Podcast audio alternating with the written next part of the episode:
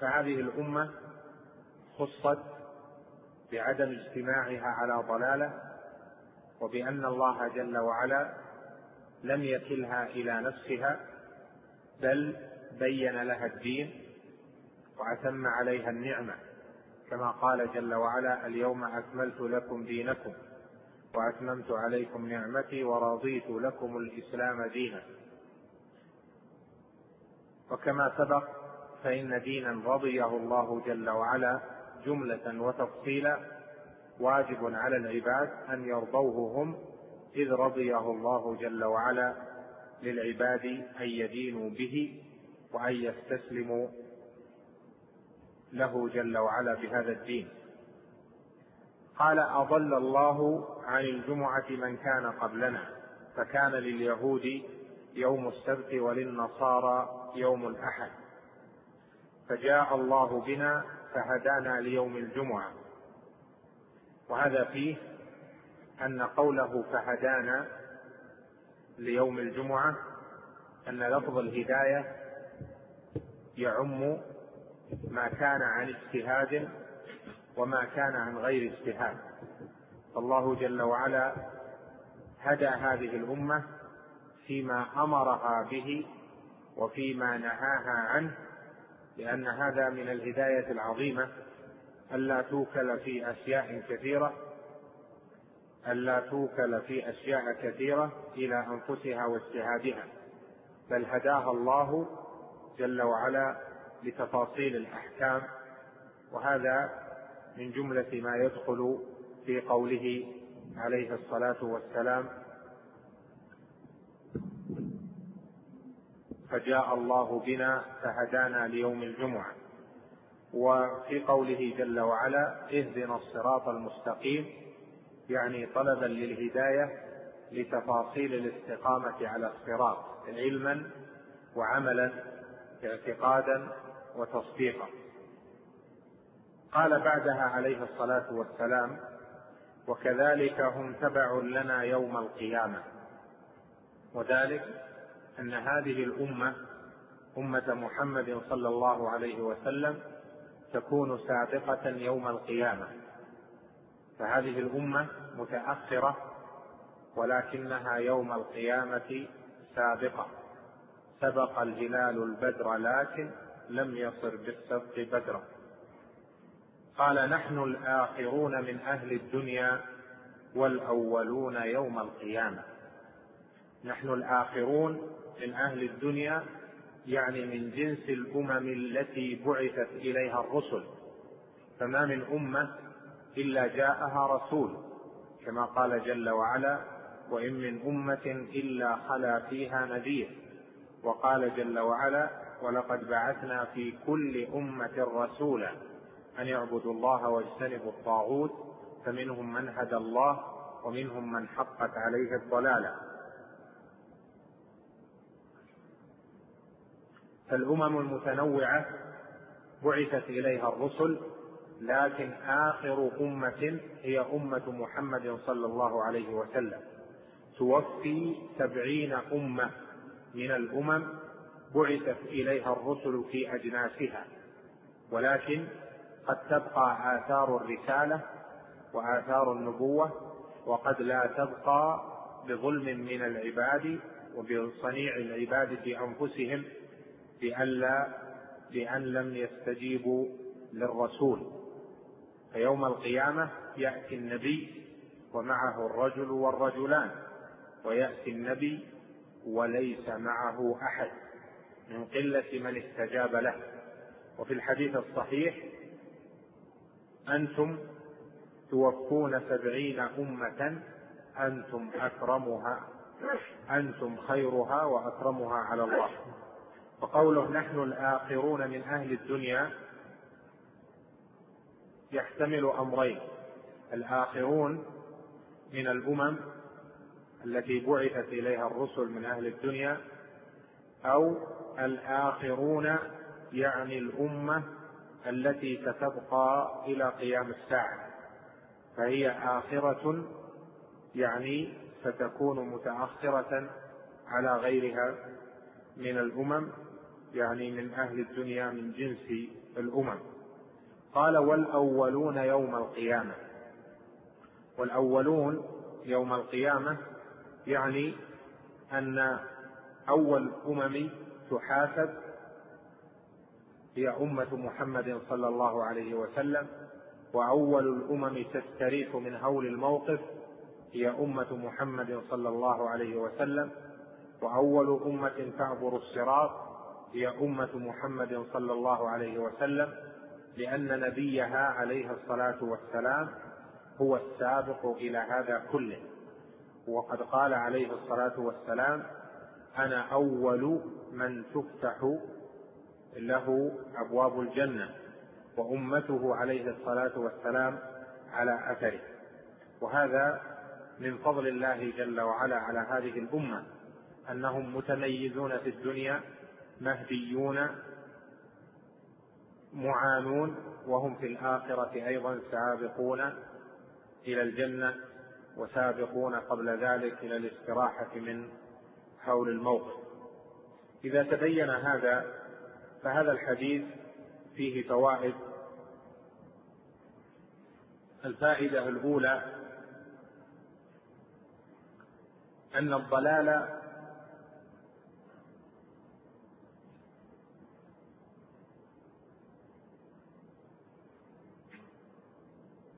قد يقع في الأمور الاجتهادية. لقوله عليه الصلاة والسلام أضل الله عن الجمعة من كان قبلنا. وقد لا يؤاخذ المجتهد لكن يطلق عليه أنه أضل الصواب.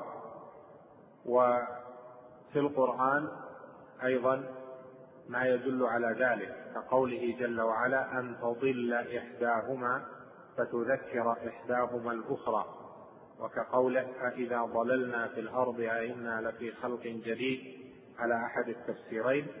وهذا يعني أن الضلال هو الذهاب عن وجه الصواب وقد يكون مع الإثم إذا قصر في الاجتهاد وقد لا يكون مع الإثم فليس كل وصف بالضلال يعد قدحا فيما في من وصف به. ولهذا طائفة من أهل العلم يعبرون في المسائل التي يخطئ فيها من أخطأ يعبرون بأنه ضل في ذلك أو هذا ضلال مبين ونحو ذلك ولا يعنى به أنه يأثم على ذلك أو أنه سار في ذلك على وفق هواه أو ما أشبه ذلك وإنما هي محتملة كما جاء في القرآن أنها ستكون في النسيان والترك الذي عن غير قصد وتكون في الأمور الاجتهادية وتكون أيضا فيما يتركه المرء عن تقصير في ابتغاء الحق والسعي إليه. الفائدة الثانية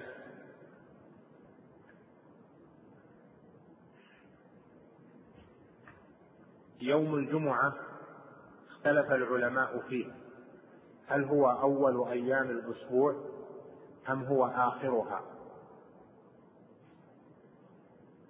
وجمهور أهل العلم على أن يوم الجمعة هو أول أيام الأسبوع وأن السبت بعده وأن الأحد بعده واستدلوا لذلك بعدة أدلة منها أن منها هذا الحديث حيث قال وكذلك هم تبع لنا يوم القيامة.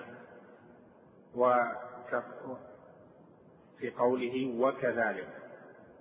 وفي رواية أخرى لهذا الحديث فنحن اليوم وهم واليهود غدا والنصارى بعد غد.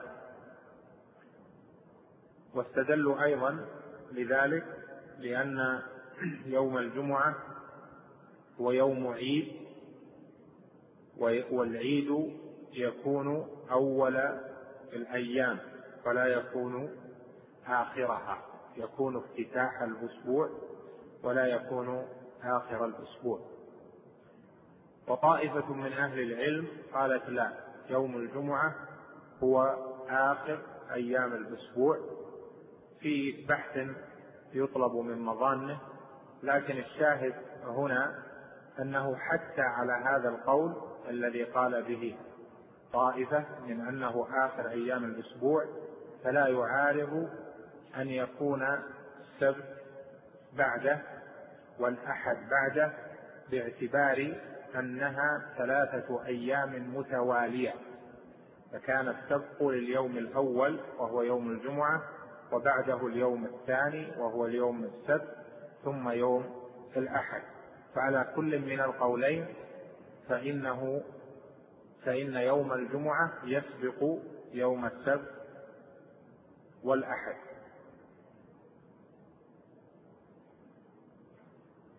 الفائدة الثالثة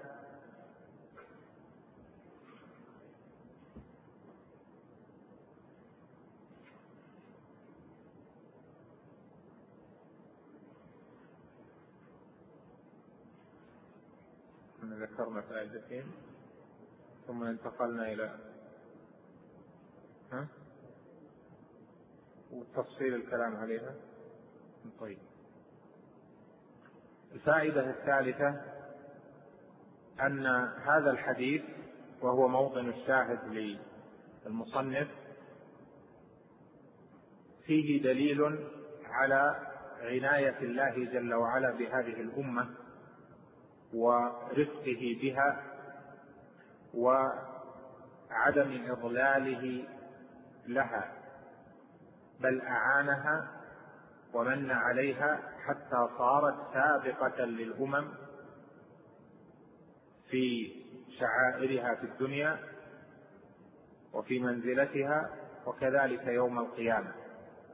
وهذا من جملة ما يؤكد فضل الإسلام على أهل الإسلام في أن المسلم إذا التزم وأطاع الله جل وعلا فإنه يهدى ويعان ولا يترك لنفسه.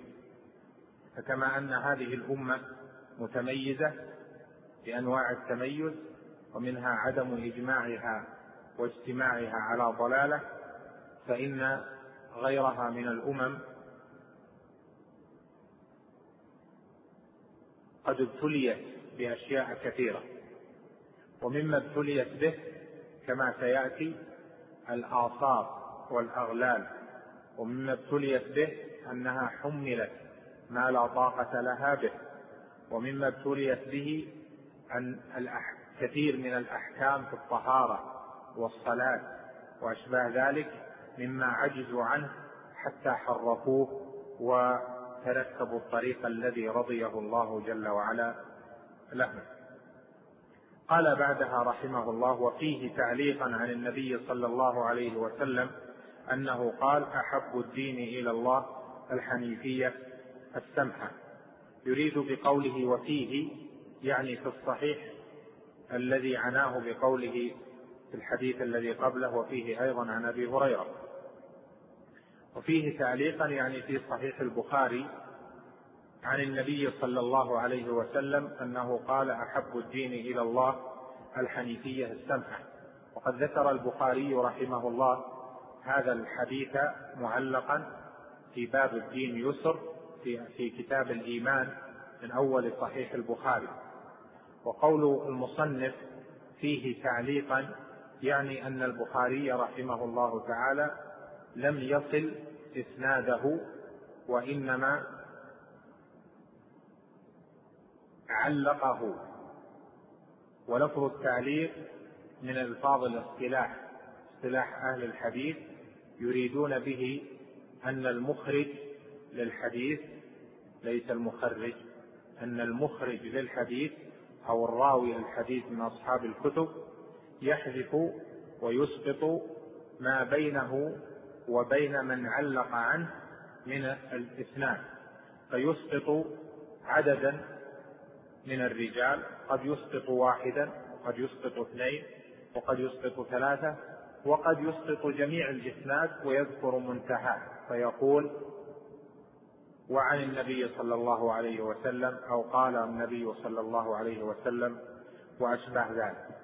لكن البخاري رحمه الله تعالى له طريقة في التعاليق أنه إذا جزم بالتعليق يعني ذكره بصيغة الجزم كقوله قال أو كقوله عن أو حدث أو حدث أو أشباه ذلك مما فيه صيغة الجزم. من بداية ما ذكر فإن هذا يدل على صحة إسناده عنده أو جودته عنده لكنه تقاصر عن رتبة شرطه والبخاري له شرط في الصحيح شديد ولهذا تقاصرت كثير من الأحاديث عنده عن شرطه فربما علق بصيغة الجزم كما فعل في هذا الحديث أنه علقه بصيغة الجزم وهو عن محمد بن إسحاق عن داود بن الحصين عن عكرمة عن ابن عباس رضي الله عنهما عن النبي صلى الله عليه وسلم أنه قال أحب الدين إلى الله الحنيفية السمح. ومعلوم أن محمد بن إسحاق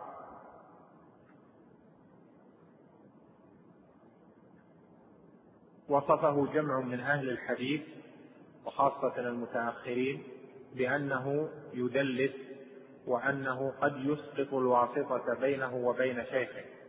لكن داود بن الحسين ثقة وهو شيخ ابن إسحاق في هذا الإسناد وما دام أن البخاري علقه بصيغة الجزم فهذا يدل على صحة سماع محمد بن إسحاق لهذا الحديث عن داود بن الحصين. لأنه من طريقة أصحاب الصحيح أنه إذا صح عندهم التحديث في طريق من الطرق فإنهم لا يبالون. أذكروا الإسناد وفيه التحديث أم ذكروه وليس فيه التحديث؟ وهذا مأخوذ من صحيح ابن حبان بالتنصيص لأنه نص عليه في مقدمته ومن صنيع البخاري ومسلم وأشباههما بالاستقراء حيث تستقيم هذه القاعدة فيما يذكرونه. وهذا الحديث موصول عند البخاري في الأدب المفرد وفي كتبه عند الإمام أحمد وجماعة وإسناده جيد والعلماء صححوه وله شواهد مختلفة آه، تدل عليه.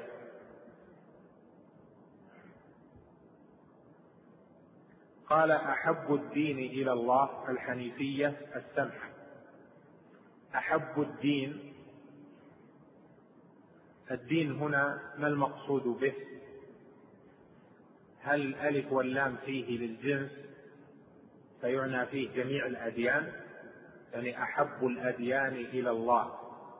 الحنيفية السمحة التي هي دين الإسلام ودين محمد بن عبد الله عليه الصلاة والسلام. فيشمل حينئذ إذا كانت الألف واللام للجنس يشمل جميع الأديان السابقة. فيظهر بذلك فضل هذا الدين ومحبة الله جل وعلا له. الوجه الثاني أن الألف واللام فيه هنا للعهد والدين المعهود هو دين الإسلام. فمعنى هذا الحديث على هذا التوجيه أحب الإسلام إلى الله الحنيفية السمحة يعني أحب خصال الدين الذي هو الإسلام إلى الله جل وعلا الحنيفية السمحة. فخصال الدين متنوعة وأموره كثيرة وشرائعه متعددة فأحبها إلى الله جل وعلا. الحنيفية يعني ما كان على وفق السنة وكان سمحا سهلا. فالله جل وعلا لم يجعل ما يحبه من شرائع الإسلام في الآثار والأغلال أو فيما هو شديد على العباد بل أحبه إليه جل وعلا هو ما كان سمحا وسهلا. إذا تبين ذلك فبحسب تقدير أو توجيه كلمة الدين يختلف معنى أحب. فعلى المعنى الأول وهو أن الدين للجنس تكون أحب أفعل بمعنى مفعول يعني محبوب الدين إلى الله الحنيفية السمحة. لأن الأديان التي سبقت بعد مجيء الإسلام ليست محبوبة لله جل وعلا ولا يرتضي جل جلاله من أحد أن يدين بها بل لا بد أن يدين بالإسلام. فإذا كان كذلك فلا تقدر أحب لأنها أفعل على بابها بل يكون معناها محبوب الدين عند الله و أو إلى الله. وكون أفعل لا تكون على تفضيل هذا كثير في اللغة فإنها للتفضيل في أصلها لكن قد تكون لغيره في مواضع كثيرة كقول الله جل وعلا أصحاب الجنة يومئذ خير مستقرا وأحسن مقيلا. يعني خير مستقرا من أهل النار لكن هل عند أهل النار خير؟ لا. وأحسن مقيلا يعني أحسن مقيلا من أهل النار. هل أهل النار يكون عندهم مقيل؟ حسن لا فيكون إذا معنى معنى قوله أحسن مقيلا يعني حسن مقيلهم وكذلك في قوله أحب الدين إلى الله هنا يعني محبوب الدين إلى الله الحنيفية السمحة التي هي الإسلام. وعلى التوجيه الثاني أن يكون الدين المقصود به الدين المعبود وهو الإسلام فيكون أحب على بابها. يعني أحب خصال الإسلام وشرائع الإسلام إلى الله جل وعلا الحنيفية السمحة. وهذا هو الذي فهمه البخاري حيث أورد الحديث في كتاب الإيمان ليدل على يسر الدين أولا وأن أيسر الدين أحبه إلى الله جل وعلا وليدل على أن الأعمال من الإيمان كما هو معلوم في موضعه. قوله الحنيفية السمحة الحنيفية في الأصل هي ملة إبراهيم الخليل عليه السلام وهي التي أوحي إلى محمد عليه الصلاة والسلام أن يتبع ملته كما قال جل وعلا ثم أوحينا إليك أن اتبع ملة إبراهيم حنيفا وما كان من المشركين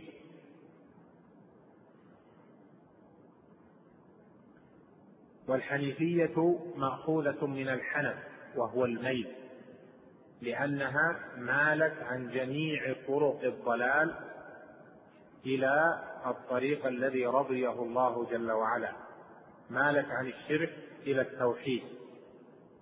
وقد يقال لها الملة العوجاء بمعنى الحنيفية يعني التي فيها اعوجاج عن طريق الشرك يعني ميل يعني ميلا عن طريق الشرك إلى طريق التوحيد وعن أهل الشرك إلى أهل التوحيد. والحنيفية إذا كانت بمعنى الميل فإنها قد تكون في العقيدة وهو الأصل والتوحيد وقد تكون في الشريعة لأن العقيدة في باب العلم تحتاج إلى ميل عن الغلط إلى الصواب والشريعة في باب الأهوى والشهوات تحتاج إلى ميل عن طريق الشهوة إلى طريق الاتباع والاستقامة. قال السمحة والسمحة يعني الميسرة السهلة.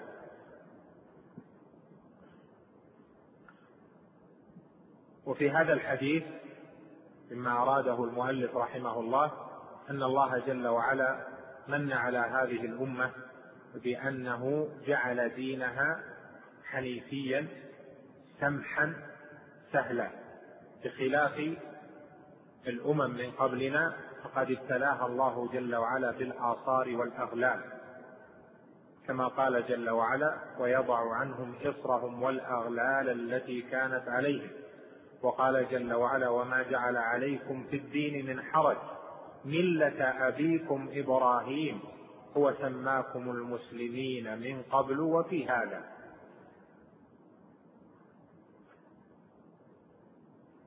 والله جل جلاله لما ابتلى الأمم من قبلنا بأنواع أحكام شديدة وصعبة وعسيرة فإنه جل وعلا خفف عن هذه الأمة.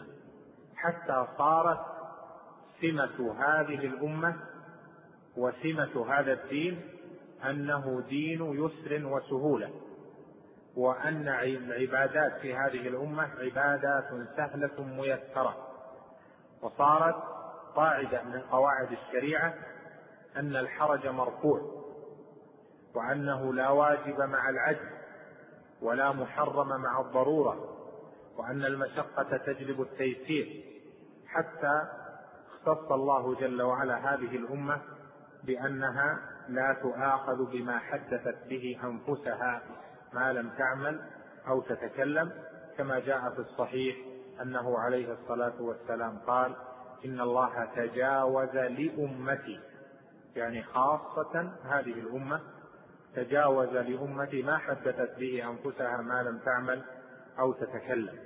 وهذا يدل على فضل الإسلام في نفسه أن من دخله والتزم به فإنه يحصل على ذلك الفضل العظيم في الثواب والنور والجزاء وفي دخوله في هذه الأمة وأن يكون هو الخير.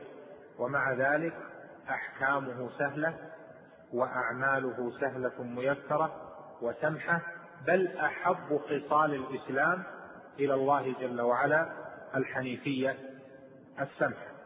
فكلما كان العمل المشروع أسهل فيما أمر الله جل وعلا به فإنه يكون أحب إلى الله جل وعلا. لكن ها هنا تنبيه وهو أن مسألة السهولة واليسر هذه مما تختلف فيها الأفهام. فينبغي ضبطها بأنها يعني السهولة واليسر التي يحبها الله جل وعلا بأنها على أحد وجهين. الأول أنها منصوصة في الشريعة في القرآن أو في السنة. فإذا كان العمل سهلا ميسورا منصوصا في الشريعة فإن هذا محبوب إلى الله جل وعلا. مثاله الافطار في السفر وقصر الصلاة في السفر لعلة السفر ولحكمة المشقة. فإن الافطار أفضل لأنه أيسر وإن القصر أفضل لأنه أيسر ولن يشاد الدين أحد إلا غلب الوجه الثاني أن يكون التيسير والسماحة التي حكم بها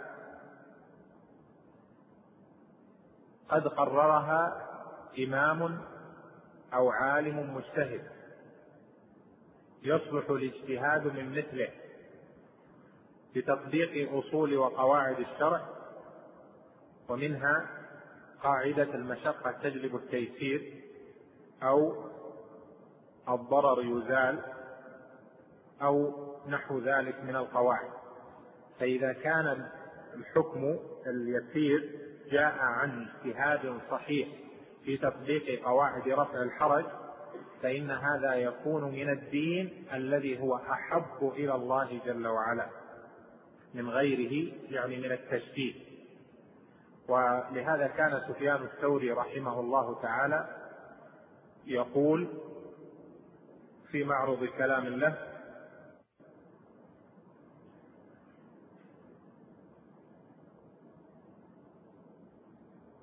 التشديد يحسنه كل أحد وإنما العلم الرخصة تأتيك من فقيه وهذا صحيح. إذا كانت الرخصة أتت من فقيه بالنص وفقيه بالقواعد الشرعية فإن هذا مما يحبه الله جل وعلا ومما تميزت به وميز الله به هذه الأمة. إذا تبين ذلك فإن الناظر في أحكام الشريعة الإسلامية يجد أن أحكام الشريعة مبنية على السماحة واليسر والسهولة في الطهارة وفي أحكام المياه والآنية في أحكام الصلاة وفي الزكاة وفي الصيام والحج وفي المعاملات وفي الاجتماعيات إلى آخره. كل هذه مبنية على أن على اليسر والسهولة. فكلما كان الأمر أيسر كلما كان أحب. إلى الله جل وعلا. ومعنى ذلك أن العبد ينبغي له بل يحسن منه أن يحب الأيسر من الأمرين إذا عرضت له. وهكذا كان عليه الصلاة والسلام فإنه ما خير بين أمرين إلا اختار أيسرهما عليه الصلاة والسلام ما لم يكن إثما. وهذا لأنه يحب ما يحبه الله جل وعلا وأحب الدين إلى الله الحنيفية السمح. إذا تبين هذا فإن مراد المؤلف رحمه الله من إيراد هذا الحديث ذكر ما خص الله جل وعلا به هذه الشريعة وهذه الأمة والمسلمين بعامة وكل مسلم بمفرده من أنه مع كونه من الله جل وعلا عليه بذاك الفضل العظيم الذي ذكر فإنه إنما يحصل عليه بعمل يسير سهل وبأحكام ميسرة. وهذا مما يرغب العقلاء جميعا في أن يدخلوا دين الإسلام ويرغب أهل الإسلام في أن يلتزموا بأحكامه وشرائعه لأنه كلما ازدادوا التزاما وطاعة في الحنيفية السمحة كلما كان أجرهم أعظم وكلما كانت محبة الله جل وعلا لهم أبلغ. وهذا الذي ذكر يشمل يعني في السماحة واليسر يشمل الأحكام العملية ويشمل أيضا الأمور العلمية الاعتقادية. فإن اليسر والسهولة في الأمور العلمية الاعتقادية ظاهر لأن الإسلام دين الفطرة والإسلام ليس فيه تعقيدات كلامية ولا مباحث فلسفية لا يفهمه بها إلا خواص الناس. بل كل أحد يفهم الإسلام بعبارات سهلة إذا شرح له معنى التوحيد وبينت له بعض الأحكام فإنه يفهم الإسلام. وأما ما أحدث في هذه الأمة من الأقوال المتفرقة والتفصيلات مما يسمونه جليل الكلام ودقيق الكلام أو ما يسمونه بالفلسفة الإسلامية أو التعقيدات التي لا تصلح لجمهور الأمة فإن هذا بلا شك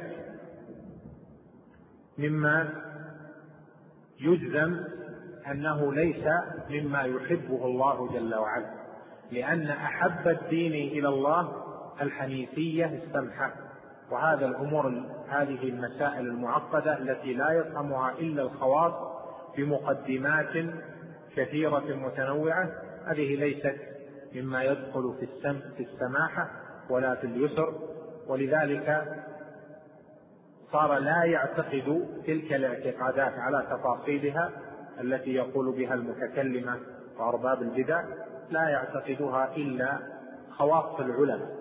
ولكن إذا سألت عامة الناس هل تعتقد كذا لم يدري ما يقول أو أجابت لما في النص. لهذا يخطئ بعضهم في أنه يزعم أن أكثر الأمة اليوم وما قبل اليوم أنهم أشاعرة مثلا في الاعتقاد أو ماتريدية أو أن أكثر الأمة على نحو كذا. هذا غلط لأن هذه المذاهب إنما هي عند العلماء على تفاصيلها. والعامة أكثر ما تجد عندهم الفطرة وأكثر ما تجد عندهم ما دل عليه الدليل إذا علموه. وأما تفاصيل المسائل العقدية الأشعرية أو الماتريدية وتفاصيل المسائل الكلامية أو المذهبية على أي مذهب هذه تحتاج إلى تعليم. فإذا علمها لقنها وحفظها وإذا لم يعلمها فإنه سيرجع إلى ما يسمعه في الكتاب أو في السنة وإلى ما يتلوه من القرآن وهذا مجرب ظاهر. لهذا نقول إن الذي يناسب الناس هو الحنيفية السمحة الذي يناسب الناس في الدعوة وفي وفي البيان إنما هو فطرة الإسلام والتوحيد الذي لا يلتبس بالأقوال والتفريعات الكلامية والفلسفية والخرافية التي لا يفهمها الناس إلا بتعليم. وصدق رسول الله صلى الله عليه وسلم إذ يقول كل مولود يولد على الفطرة فأبواه يهودانه أو يمجسانه أو ينصرانه. إلى آخر الحديث. وهذا مهم في المنهج في منهج الدعوة ومنهج العمل في أنه يفرق في الدعوة ما بين العامة وما بين خصوص المنحرفين. من من علماء الفرق والذين درسوا على مذهب معين. فإن العامة قد لا تجد عندهم تلك الأقوال آه، وإن وجدت عندهم قولا لا تجد عندهم تفاصيل المذهب. إذا سألت أحدا مثلا من عامة الناس في أي بلد مما إذا كان فيه مذهب أشعرية أو مذهب ماتريدية أو مذهب قدرية أو معتزلة أو إلى آخره إذا سألته في مسائل القدر فإنه يجيب لك يجيب يجيبك بما يقتضيه الفطرة لأن الإنسان مخير وأنه غير مجبور ولذلك يعمل لأنه لم يعلم غير ذلك والفطرة تقتضي هذا وإحساسه في داخله يقتضي ذلك. كذلك إذا أتيت في مسائل الإيمان وسألت أحدا من عامة الناس ممن لم يعلم تفاصيل مذاهب المرجعة في الإيمان هل العمل من الإيمان؟ سيجيبك الجميع كما جرب نعم العمل من الإيمان. وكذلك إذا أتيت في مسائل الصفات الله جل وعلا هل استوى على العرش؟ فإنه يقول نعم. الله جل وعلا يقول الرحمن على العرش استوى. إلا إذا علم التأويل إلا إذا لقن وحدد فإنه حينئذ ينتقل عن فطرته إلى شيء آخر. ولهذا من المهم في منهج الدعوة أن يقرب للناس ما تستقيم ما يستقيم مع فطرهم وما يسهل عليهم في الاعتقاد وفي العمل. فالحنيفية السمحة سمة الإسلام عقيدة وشريعة وينبغي أن تكون سمة الدعاة إلى الإسلام عقيدة وشريعة. قال رحمه الله تعالى بعدها وعن أبي بن كعب رضي الله عنه قال عليكم بالسبيل والسنة فإنه ليس من عبد على سبيل وسنة. ذكر, ذكر الرحمن ففاضت عيناه من خشية الله فتمسه النار. وليس من عبد على سبيل وسنة. ذكر الرحمن فاقشعر جلده من خشية الله إلا كان مثله كمثل شجرة يبس ورقها فبينما هي كذلك إذ أصابتها الريح فتحات عنها ورقها إلا تحادت عنه ذنوبه كما تحات عن هذه الشجرة.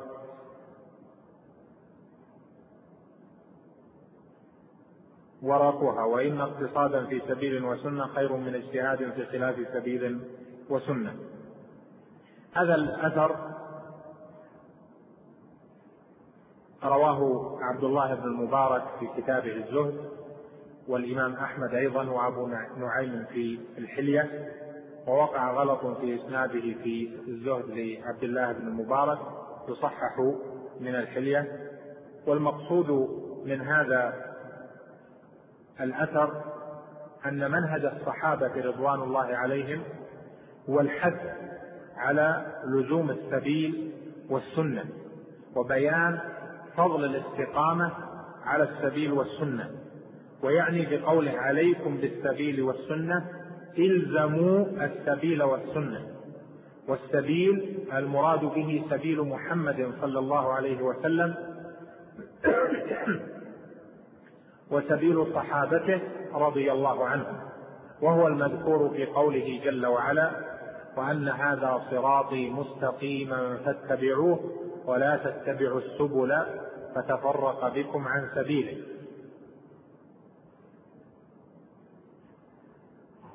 وهنا وحد الصراط فقال وأن هذا صراطي مستقيما فجعله صراطا واحدا وهو السبيل الواحد وهو الذي يجمع أمور الإسلام على تفاصيلها. وأمور السنة على تفاصيلها. وأما السبل الأخرى والأهواء فعلى كل سبيل منها شيطان يدعو الناس إلى دخوله. وها هنا سؤال معروف وهو أن الله جل وعلا قال في آخر سورة العنكبوت والذين جاهدوا فينا لنهدينهم سبلنا وإن الله لمع المحسنين. فهنا جمع السبل وفي آية الأنعام وحد الصراط وهنا في أثر أبي وفي غيره من الأحاديث والآثار يفرد السبيل. فهل بين هذا تعارض؟ الجواب لا الباب باب واحد ولكن السبيل المقصود به سبيل الإسلام والسنة وهذا في داخله فيه تفاصيل ففيه سبيل الصلاة وفيه سبيل الزكاة وفيه سبيل الصلة وفيه سبيل أعمال القلوب التي تصلح القلب وفيه سبيل كذا وكذا مما يحتاجه الناس تفصيلا في أمور دينهم ومما يكون عليه أحوالهم في العبادة العلمية والعملية وفي عمل القلب وعمل الجوارح. فيكون اذا جمع السبل في قوله والذين جاهدوا فينا لنهدينهم سبلنا المقصود منها تفاصيل السبل وهي كلها سبيل واحد وصراط واحد دل عليه قوله دل عليه قوله اهدنا الصراط المستقيم ودل عليه قوله وان هذا صراطي مستقيما ودل عليه قول النبي صلى الله عليه وسلم عليكم بسنتي وسنة الخلفاء الراشدين المهديين من بعدي ودل عليه أيضا قول الله جل وعلا لقد كان لكم في رسول الله أسوة حسنة لمن كان يرجو الله واليوم الآخر وذكر الله كثيرا. ولقد أحسن العلامة ابن القيم رحمه الله إذ قال في تقرير هذا فلواحد كن واحدا في واحد أعني سبيل الحق والإيمان. فلواحد يعني لله المقصود والمعبود له وحده جل وعلا قصدا وإرادة وتوجها ورغبا ورهبا لواحد جل جلاله وتقدست أسماؤه. كن واحدا أنت في قصدك وإرادتك وتوجه قلبك. لا تتشعب عليك الأوهام في قلبك ولا في سلوكك. بل كن واحدا أنت. في واحد يعني في سبيل واحد. قال بعدها أعني سبيل الحق والإيمان وهو سبيل السلف الصالح. وهذا مما يعز على كثير من الناس أن يضبط قلبه عليه أو أن يلزم نفسه به. فإنه في الأول فلواحد قد يقصد الله جل وعلا بعمله وقد يأتي مرة أخرى ويقصد غير الله جل وعلا إما الجاه وإما الدنيا أما رؤية الناس ونحو ذلك من الرياء والسمعة. وقل من يسلم من أنواع الشرك الخفي. قال كن واحدا. يعني أنت لا تتشعب في قصدك وإرادتك. فاجمع قلبك وإرادتك وهي التي يسميها أهل السلوك الجمعية على الله جل وعلا فاجمع قلبك وإرادتك في الله جل وعلا ولا تلتفت عنه جل وعلا في قصدك وإرادتك وعملك إلى غيره. واجعل الأمور التي معك وسائل جمع قلبك على الله جل وعلا. في واحد وهذا الابتلاء الثالث أنه ليس ثم إلا سبيل واحد وهذه صعبة إلا على من وفقه الله جل وعلا فكم من الناس في أكثر من سبيل في سبيل هنا وفي سبيل هناك إما من جهة الاتباع وإما من جهة المنهج أو من جهة الاستقامة أو من جهة الاعتقاد ونحو ذلك فإن تنجو منها تنجو من ذي عظيمة وإلا فإني لا إخالك ناجيا قال رحمه قال رضي الله عنه هنا عليكم بالسبيل والسنة فإنه ليس من عبد على سبيل وسنة ذكر الرحمن ففاضت عيناه من خشية الله فتمسه النار. يريد بذلك أن الفضائل التي جاءت في الأحاديث إنما يحظى بها من كان على السبيل والسنة.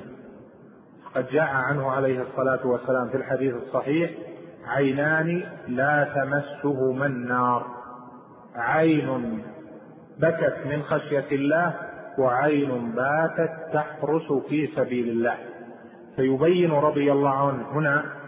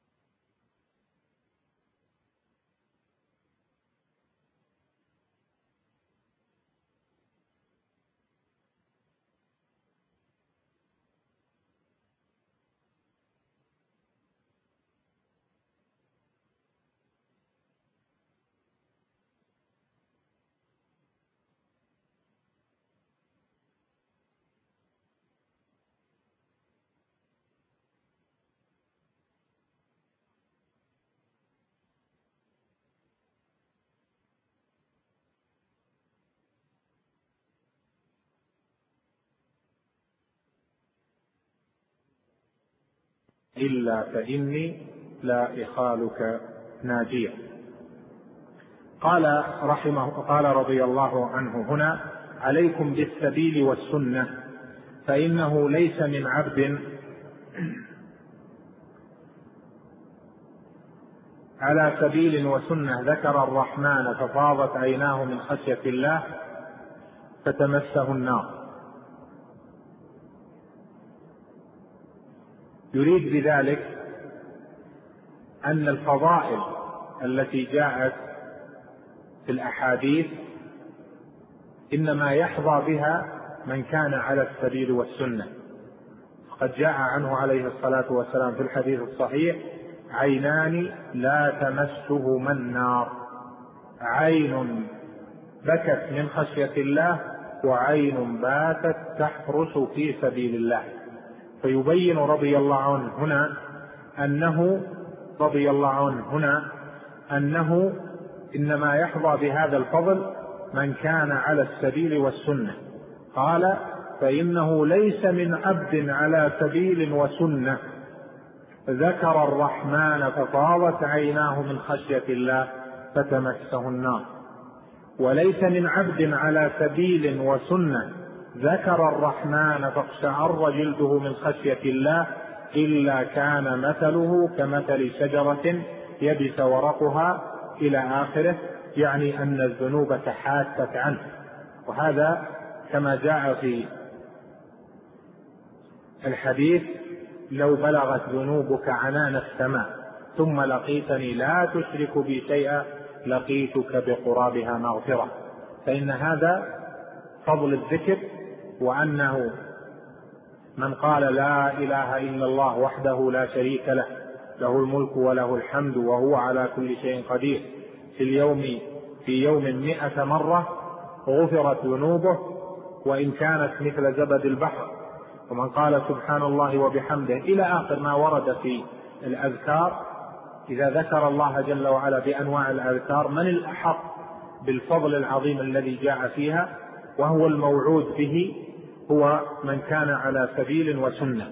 قال ليس من عبد على سبيل وسنة. ذكر الرحمن إلى آخره. فإن هذا يدل على عظم شأن التزام المنهج الذي خص الله جل وعلا به نبيه صلى الله عليه وسلم. فإنه جل وعلا جعل لكل نبي شرعة ومنهاجا. والمنهج الذي خص به عليه الصلاة والسلام هو السبيل والسنة وهو الذي كان عليه صحابته عليه الصلاة والسلام وأتباع الصحابة وتابعيهم وتابعوهم إلى يوم الدين. ولهذا لما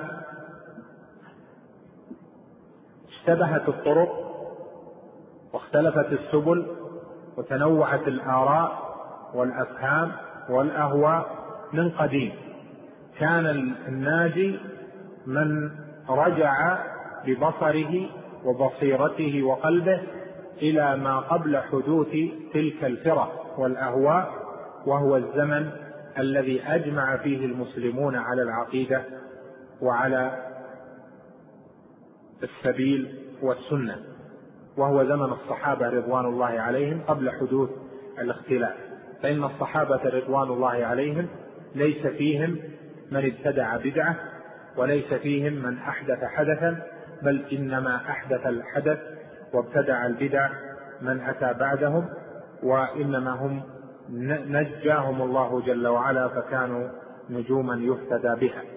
لهذا نقول لك إن من الأمور المهمة التي تقرر في مثل هذا أن يحرص المؤمن على النجاة فإنه ما استقام ولا جاهد نفسه ولا ترك ما ترك من الشبهات والشهوات والرغبات واللذات في هذه الدنيا إلا وهو يريد وجه الله جل وعلا إلا وهو يريد النجاة إلا وهو يريد السلام. فإذا كان يريد ذلك فليأخذ بالطريق المضمون وهو التزام السبيل والسنة لأنها غير هذا الطريق من من الطرق من طرق الأهواء. والسبيل والسنة هي الجماعة. ما هو السبيل والسنة؟ هو ما كانت عليه الجماعة. لهذا قال عليه الصلاة والسلام وستفترق هذه الأمة على ثلاث وسبعين فرقة كلها في النار إلا واحدة. قالوا من هي يا رسول الله؟ قال هي الجماعة. وقد سئل الإمام أحمد وجماعة من أهل العلم سئلوا من هي الجماعة؟ قال إن لم يكونوا أهل الحديث فلا أدري من هم.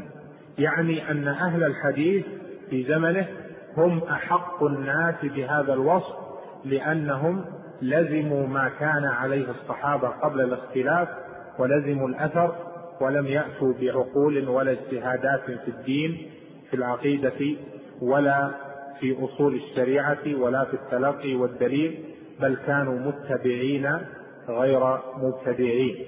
لهذا قال إن لم يكونوا أهل الحديث فلا أدري من هم. والإمام الترمذي رحمه الله لما ذكر هذا الحديث قال الجماعة هم أهل العلم. والعلم المحمود هو قال الله قال رسوله قال الصحابة هم أولو العرفان.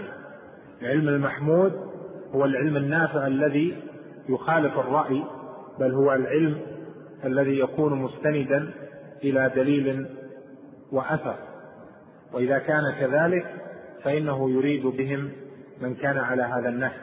ولهذا أجمعت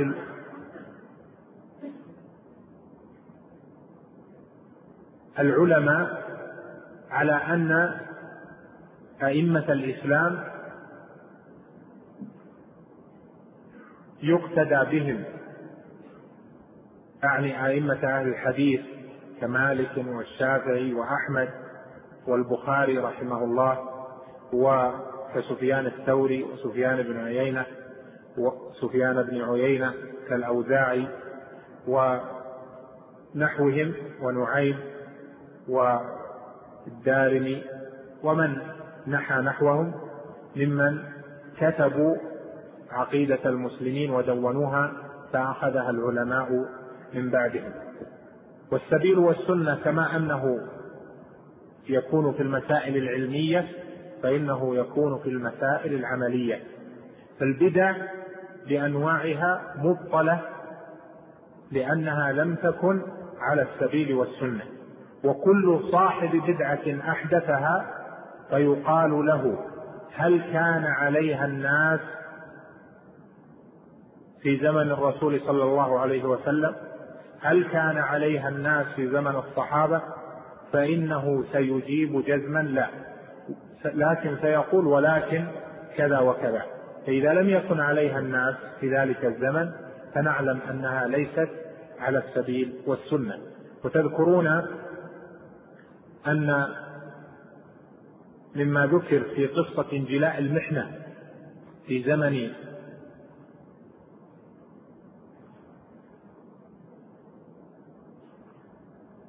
يعني بعد زمن الإمام أحمد رحمه الله تعالى في الفتنة بخلق القرآن لما أتى أحد العلماء يناظر عند الخليفة أظنه المتوكل لما أتى يناظره متوكل أو الواثق يناظر الداعية إلى البدعة إلى القول بخلق القرآن. قال له يريد المناظرة. قال له أبدأ أو تبدأ؟ فقال له المبتدع ابدأ أنت. فقال هذا الذي تدعو الناس إليه. هل دعا إليه رسول الله صلى الله عليه وسلم؟ وابتلى الناس به. فقال المبتدع أقلني.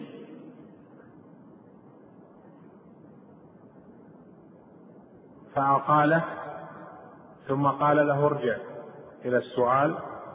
ربما اشتبهت عليه القصة بعض الشيء لكن هذا مختصر سياقها. قال هذا الذي تدعو الناس إليه هل دعا إليه أبو بكر الصديق رضي الله عنه؟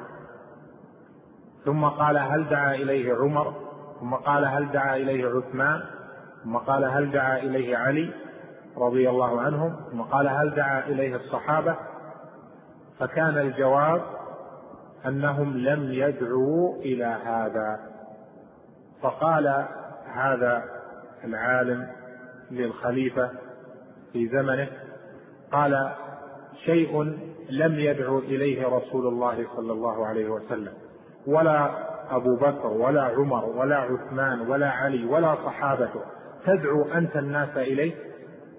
فلم يزل يردد هذه الكلمات حتى أمر برفع الفتنة في القول إلزام الناس بالقول بخلق القرآن وابتلاء بذلك. المقصود من هذا أن هذا الأصل عظيم ويحرج كل من سلك سبيلا من سبل البدع في المسائل العلمية أو في المسائل العملية. هل كان عليه الزمن الأول؟ فإذا قال لا فيقال لسنا بحاجة إليه. دعنا مع ما كان عليه الناس في الزمن الأول فإنه كاف.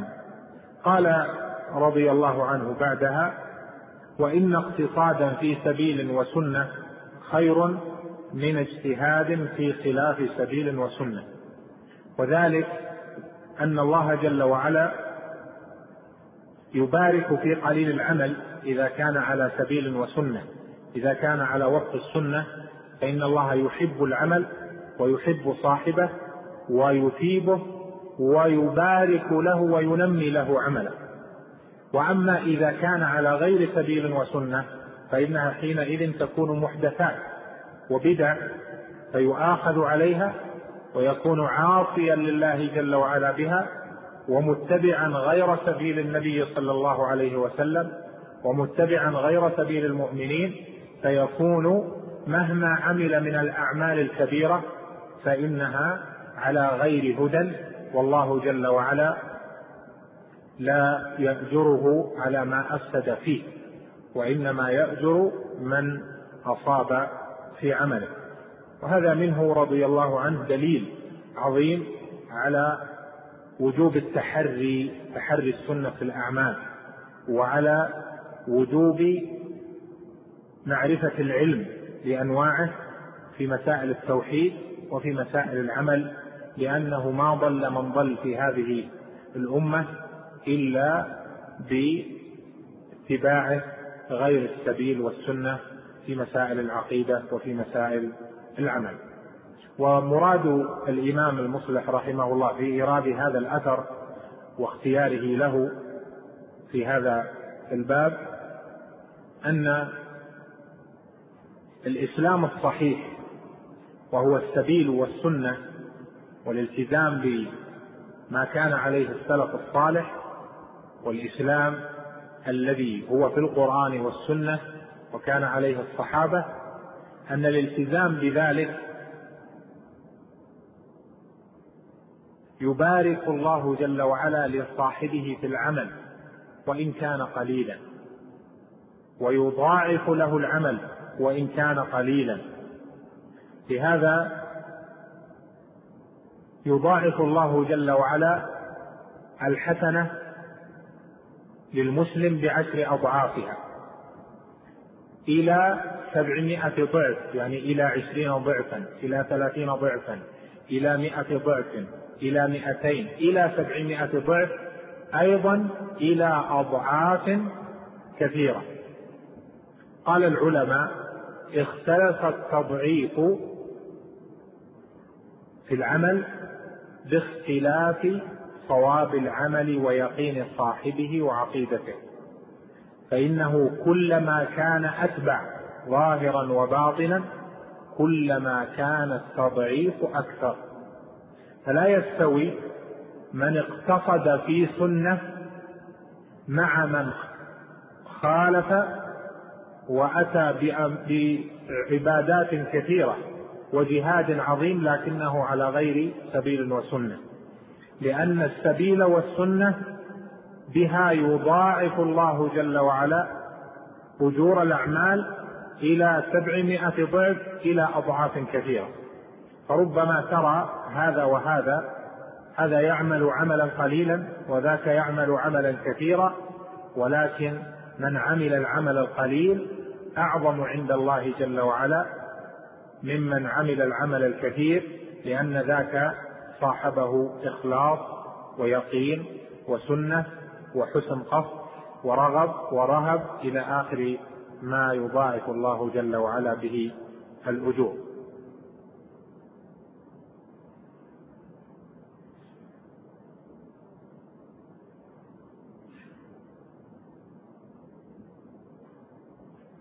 وقد سئل أبو بكر بن عياش شعبة القارئ المعروف عن أبي بكر الصديق رضي الله عنه فقال ما سبقهم أبو بكر بكثرة صلاة ولا صيام ولكن بشيء وقر في قلبه. الصحابة هل هم مثل من بعدهم؟ أتى من بعدهم من هو متعبد عبادات كثيرة وعظيمة لكن يختلف تختلف المنزلة عند الله لأن التضعيف مختلف لأن ما في القلب مختلف ولأن صواب العمل في ظاهره مختلف. وقد سئل الحسن البصري رحمه الله أيضا وهو الزاهد العالم المعروف لم كان الصحابة أفضل مع أن من التابعين من هم أكثر منهم عبادة. فقال رحمه الله أولئك تعبدوا والآخرة في قلوبهم وهؤلاء تعبدوا والدنيا في قلوبهم. هذا صحيح فإن الله جل وعلا لم يبتل الناس بكثرة العمل ولكن ابتلاهم بحسنه ليبلوكم أيكم أحسن عملا. صلاة الفجر ركعتان لكنها أفضل من صلاة الظهر. وهكذا فإن قلة العمل لا يدل على كونه مقبولا بل قد يكون العمل القليل من صاحبه أعظم من العمل الكثير. وهذا هو الذي يدل عليه قوله هنا وإن اقتصادا في سبيل وسنة خير من اجتهاد في خلاف سبيل وسنة. قال بعدها وعن أبي الدرداء رضي الله عنه قال يا حبذا نوم الأكياف وإفطارهم كيف يغبنون سهر الحمقى وصومهم؟ ولمثقال ذرة من بر مع تقوى ويقين أعظم وأفضل وأرجح من أمثال الجبال عبادة من المغترين. أبو الدرداء رضي الله عنه كان حكيم هذه الأمة وكان كثير التفكر كما قالت أم الدرداء عنه كانت أكثر عبادة أبي الدرداء التفكر. والتفكر أمره عظيم لأنه يحدث في القلب الوجل والعلم واليقين. وهذه كلها عبادات مرضية عند الله جل وعلا. ومن تأمله وتفكره في ملكوت الله وفي الإسلام وثواب الأعمال والاستقامة على السبيل والسنة أن قال يا حبذا نوم الاكياس وإفطارهم كيف يغبنون سهر الحمقى وصومهم؟ يعني أنه يقول إن العبد قد يكون ينوم في الليل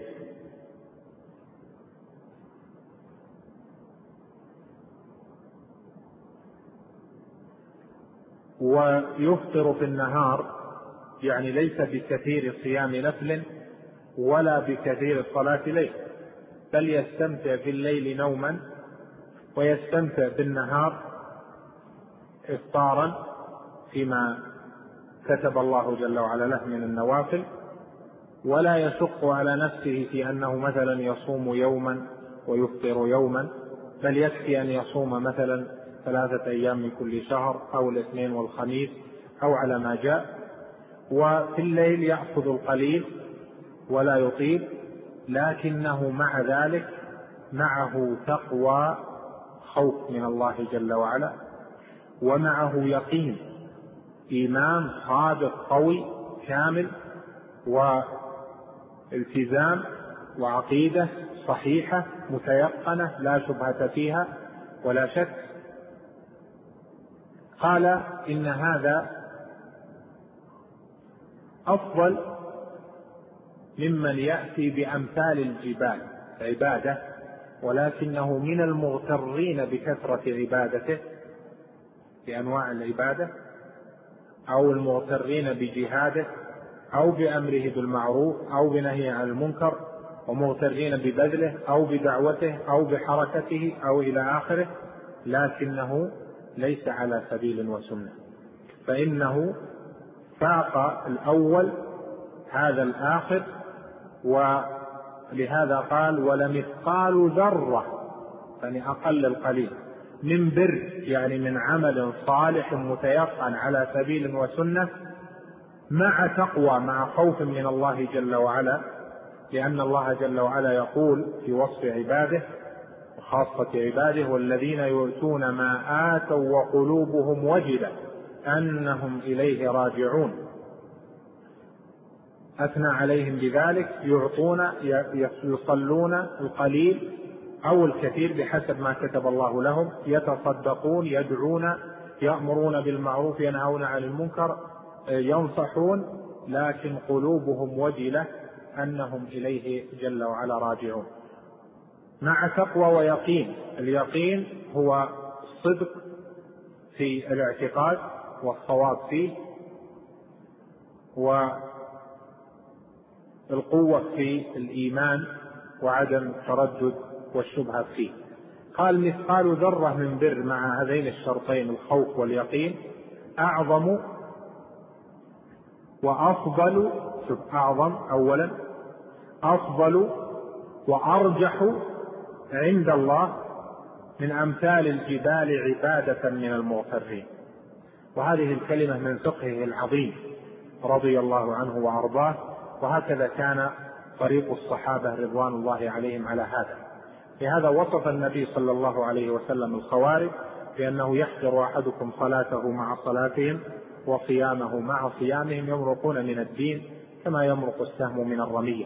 فليست العبرة بكثرة العبادة أو بكثرة الجهاد أو بكثرة كذا وكذا أو بكثرة الدعوة أو العبرة هل هذا موافق للسبيل والسنة أم ليس بموافق. فإن كان غير موافق فإنه ولو كان أمثال الجبال فإنه لا نفع فيه أو أن غيره أنفع منه. هذا الأثر رواه الإمام أحمد في الزهد وأبو نعيم في حلية الأولياء في إسناد لا بأس به. ويظهر بهذا فضل الإسلام الصحيح وفضل السبيل والسنة وفضل متابعة الجماعة الأولى وأن أصحاب ذلك إذا التزموه فإن الله جل وعلا يبارك لهم في قليل أعمالهم وينميها لهم ويكون عملهم أعظم وأرجح وأفضل ممن يكثر ولكنه على غير السبيل. أسأل الله جل وعلا لي ولكم التوفيق والسداد وصلى الله وسلم وبارك على نبينا محمد. بسم الله الرحمن الرحيم. الحمد لله رب العالمين وصلى الله وسلم على نبينا محمد وعلى آله وصحبه أجمعين.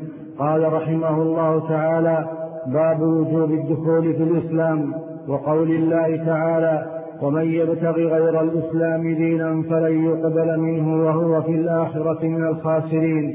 وقوله تعالى إن الدين عند الله الإسلام. وقول الله تعالى وأن هذا صراطي مستقيما فاتبعوه ولا تتبعوا السبل فتفرق بكم عن سبيله. الآية قال مجاهد السبل البدع والشبهات. وعن عائشة رضي الله تعالى عنها أن رسول الله صلى الله عليه وسلم قال من أحدث في أمرنا هذا ما ليس منه فهو رد أخرجاه وفي لفظ من عمل عملا ليس عليه أمرنا فهو رد. وللبخاري عن أبي هريرة رضي الله تعالى عنه أنه قال قال رسول الله صلى الله عليه وسلم كل امتي يدخلون الجنة إلا من أبى. قيل ومن؟ قيل ومن أبى. قيل ومن أبى. قال من أطاعني دخل الجنة ومن عصاني فقد أبى. وفي الصحيح عن ابن عباس رضي الله تعالى عنهما أن رسول الله صلى الله عليه وسلم قال أبغض الناس إلى الله ثلاثة. ملحد في الحرم ومبتغ في الإسلام سنة الجاهلية. ملحد في الحرم ومبتغ في الإسلام سنة الجاهلية. ومطلب دم امرئ مسلم بغير حق ليهري قدمه رواه البخاري. قال شيخ الإسلام ابن تيمية رحمه الله تعالى قوله سنة الجاهلية. يندرج فيها كل جاهلية مطلقة أو مقيدة أي في شخص دون شخص كتابية أو وثنية أو غيرهما من كل مخالفة لما جاء به المرسلون. وفي الصحيح عن حذيفة رضي الله عنه قال يا معشر القراء استقيموا فإن استقمتم فقد سبقتم سبقا بعيدا فإن أخذتم يمينا وشمالا فقد ضللتم ضلالا بعيدا. وعن محمد بن وضاح أنه كان يدخل, يدخل المسجد فيقف على الحلق فيقول فذكره وقال أنبأنا سفيان بن عيينة عن مجالد عن الشعبي عن مسروق قال قال عبد الله يعني ابن مسعود رضي الله تعالى عنه ليس عام إلا والذي بعده أشر منه لا أقول عام أمطر من عام ولا عام أخصب من عام ولا أمير خير من أمير لكن ذهاب علمائكم وخياركم ثم يحدث أقوام يقيسون الأمور بآرائهم في ثم يحدث أقوام يقيسون الأمور بآرائهم فيهدم الإسلام ويثلم بسم الله الرحمن الرحيم. الحمد لله رب العالمين. والصلاة والسلام على نبينا محمد وعلى آله وصحبه أجمعين. اللهم علمنا ما ينفعنا وانفعنا بما علمتنا وزدنا علما وعملا يا أرحم الراحمين. اللهم هب لنا من لدنك سلطانا نصيرا وهيئ لنا من أمرنا رشدا. إنك رحيم ودود. وبعد فهذا هو الباب الثاني في كتاب فضل الإسلام للإمام المجدد شيخ الإسلام محمد بن عبد الوهاب رحمه الله تعالى رحمة واسعة. قال فيه باب وجوب الدخول في الإسلام. بعد أن بين رحمه الله في الباب الأول فضل الإسلام وما يحظى به أهله الذين التزموا به بمعناه العام والتزموا بأفراده واستقاموا على ذلك من الفضل العظيم في هذه الدنيا وفي الآخرة. بين أن هذا الإسلام الذي ذاك فضله ليس الدخول فيه اختياريا. بل يجب الدخول في الإسلام. وتارة إذا ذكرت الفضائل فإنه قد يظن أن الأمر في أن المرء في خيرة من أمره هل يدخل أو لا يدخل هل يعمل أو لا يعمل لأن ذكر الفضائل قد يظن معه أن المسألة اختيارية. والإسلام ليس الدخول فيه اختياريا وإنما الفضل الذي سبق ذكره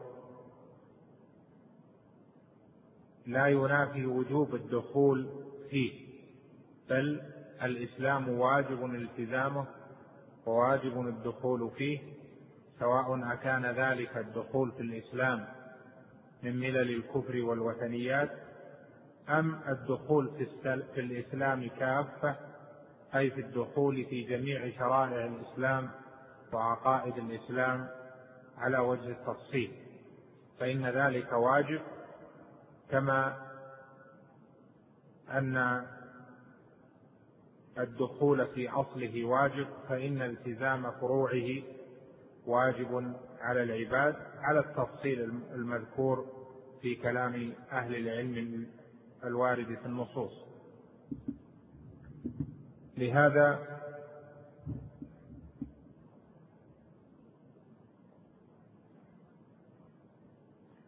قال هنا باب وجوب الدخول في الإسلام. والإسلام الذي يجب الدخول فيه هنا هو شريعة محمد عليه الصلاة والسلام. والنصوص يطلق فيها الإسلام ويراد به تارة الإسلام العام الذي يشمل دين جميع المرسلين لأن كل كل نبي وكل رسول إنما جاء بدين الإسلام. وهذا هو الإسلام العام الذي لا يدخل الجنة إلا من كان مسلما. بهذا الإسلام العام. فأتباع نوح عليه السلام كانوا مسلمين الإسلام العام وإن كانت شريعتهم هي شريعة نوح عليه السلام. وأتباع إبراهيم عليه السلام هم على الإسلام العام التوحيد والحنيفية وإن كانت الشريعة مختلفة. وكذلك دين موسى عليه السلام ودين عيسى عليه السلام كل ذلك كان على الإسلام العام وإن كانت الشرائع مختلفة. لهذا قال الله جل وعلا لكل جعلنا منكم شرعة ومنهاجا. يعني لكل نبي جعل الله شرعة ومنهاجا ولكن الدين واحد. وقد ثبت عن النبي صلى الله عليه وسلم أنه قال الأنبياء إخوة لعلات الدين واحد والشرائع شتى. فدين كل فدين كل نبي الإسلام. لم يات نبي بغير دين الإسلام. ولهذا لا يصح أن يقال إنه جاء من عند الله جل وعلا أديان مختلفة وديانات متعددة. فقول من يقول الديانات السماوية هذا باطل وقول من يقول الديانات الإلهية هذا باطل في الشرع لأن الدين واحد والله جل وعلا لم يأتي عنده لم يأتي من عنده إلا دين واحد وهو الإسلام ولا يرضى عنده إلا الإسلام. فليس ثم ديانات سماوية وإنما هو دين واحد يجب على كل البشر قبل محمد عليه الصلاة والسلام وبعده أن يدخلوا في الإسلام لأن الله جل وعلا لا يرضى دينا عند إلا الإسلام. فقوله مثلا إن الدين عند الله الإسلام هذا عام يشمل جميع الأزمنة وجميع الفترات من لدن خلق الخليقة إلى أن يرث المخلوقات جل وعلا. فلا يقبل من أحد دينا إلا دين الإسلام. ولهذا نقول إن الإسلام يطلق في النصوص ويراد به تارة الإسلام العام وهو الدين الذي اجتمعت عليه المرسلون ورضيه الله جل وعلا لكل رسول. والثاني الإسلام الخاص وهو الإسلام الذي بعث به محمد عليه الصلاة والسلام وهو الإسلام عقيدة وشريعة أو الإسلام بمعناه وشرائعه وعقيدته التي جاء بها محمد عليه الصلاة والسلام.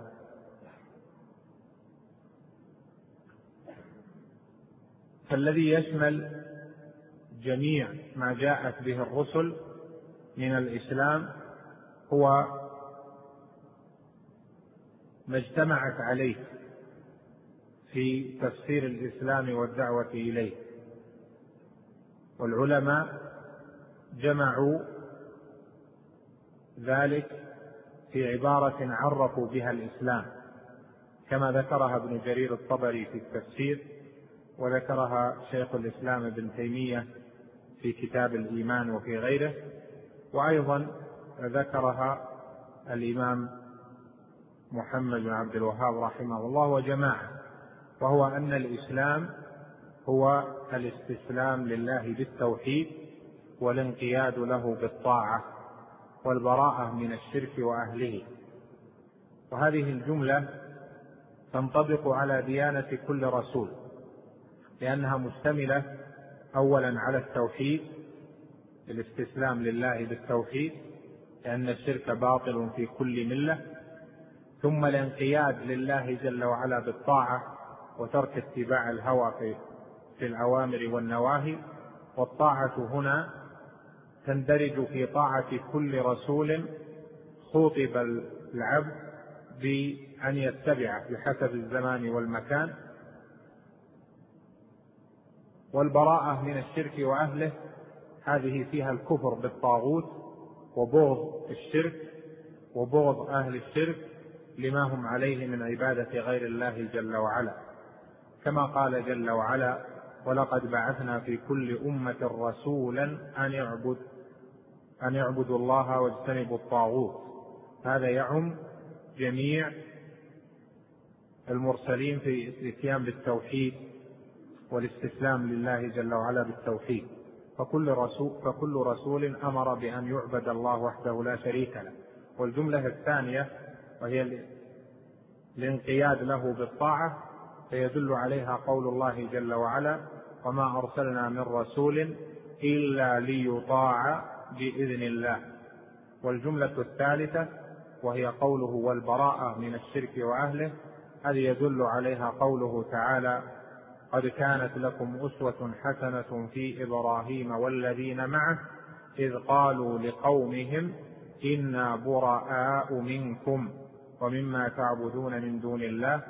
الآية قوله في إبراهيم والذين معه يعني من المرسلين من كانوا على دينه الحنيفية دين الإسلام إذ قالوا لقومهم يعني لأقوامهم. وهذا دليل على الجملة الثالثة من تعريف الإسلام العام. وأعظم من خص بكمال هذه الجمل الثلاث ومحمد عليه الصلاة والسلام وما من الله عليه من الرسالة. فالإسلام الخاص له من هذه الثلاث أكمل ما أمر به نبي. فمن جهة الاستسلام لله بالتوحيد فهذا أكمل ما جاء في شريعة في دين محمد عليه الصلاة والسلام. والانقياد للرسول بالطاعة أكمل ما جاء في دين محمد عليه الصلاة والسلام. والبراءة من الشرك وأهله أكمل ما جاء في دين محمد عليه الصلاة والسلام. فصار له عليه الصلاة والسلام من الأمر بهذا الإسلام أعظم مما لغيره من الأنبياء عليهم سلام الله أجمعين. لهذا يدخل في قوله هنا باب وجوب الدخول في الإسلام يعني هذا الإسلام وهو الاستسلام لله بالتوحيد فهذا واجب الدخول فيه. وأن يستسلم المرء لله جل وعلا بالتوحيد وأن يترك البدع الشركية والمحدثات الوثنية وكل عقيدة فيها شرك وفيها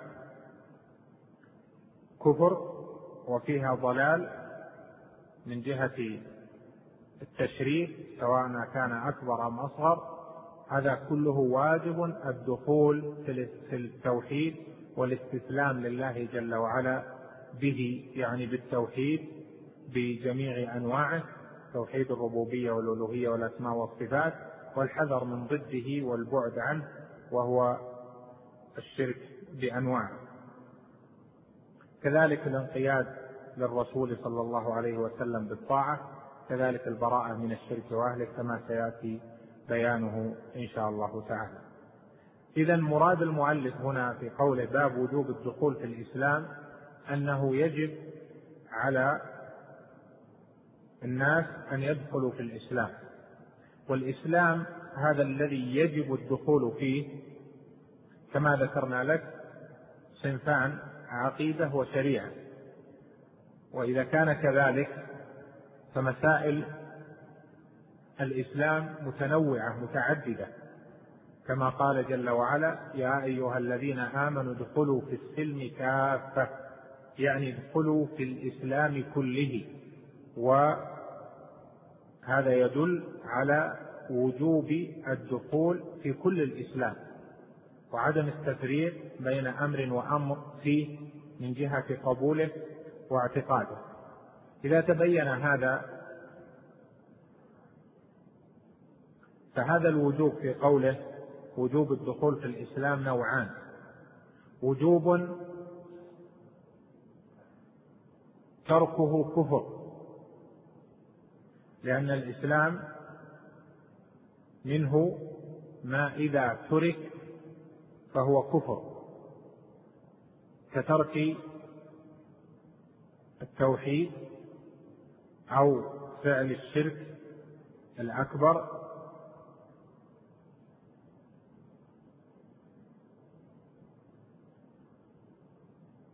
أو نحو ذلك من المكفرات. والثاني وجوب تركه محرم على العبد. وهذا المحرم تارة يكون كبيرة وتارة يكون صغيرة. لهذا فكل عقيدة أو شريعة وكل أمر سواء أكان أمرا علميا أم أمرا عمليا ويقابله النهي واجب على العباد الدخول فيه. فمن تركه فقد ترك الواجب وهذا الترك قد يكون كفرا وقد يكون محرما وليس بكفر بحسب نوع ما ترك من العقائد والشرائع. قال رحمه الله تعالى وقول الله تعالى ومن يبتغي غير الإسلام دينا فلن يقبل منه وهو في الآخرة من الخاسرين. وقوله تعالى إن الدين عند الله الإسلام.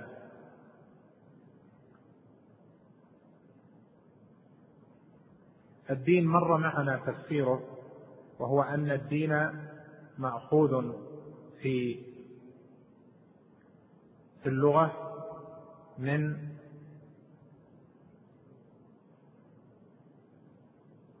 قولهم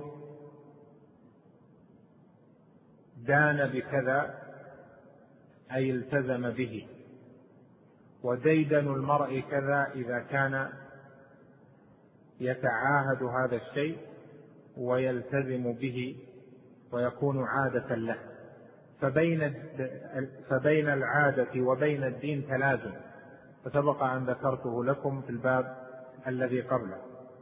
فإذا في قوله ومن يبتغي غير الإسلام دينا يعني أن يجعل طاعته وعادته التي يتقرب بها في غير الإسلام فإن ذلك لن يقبل منه.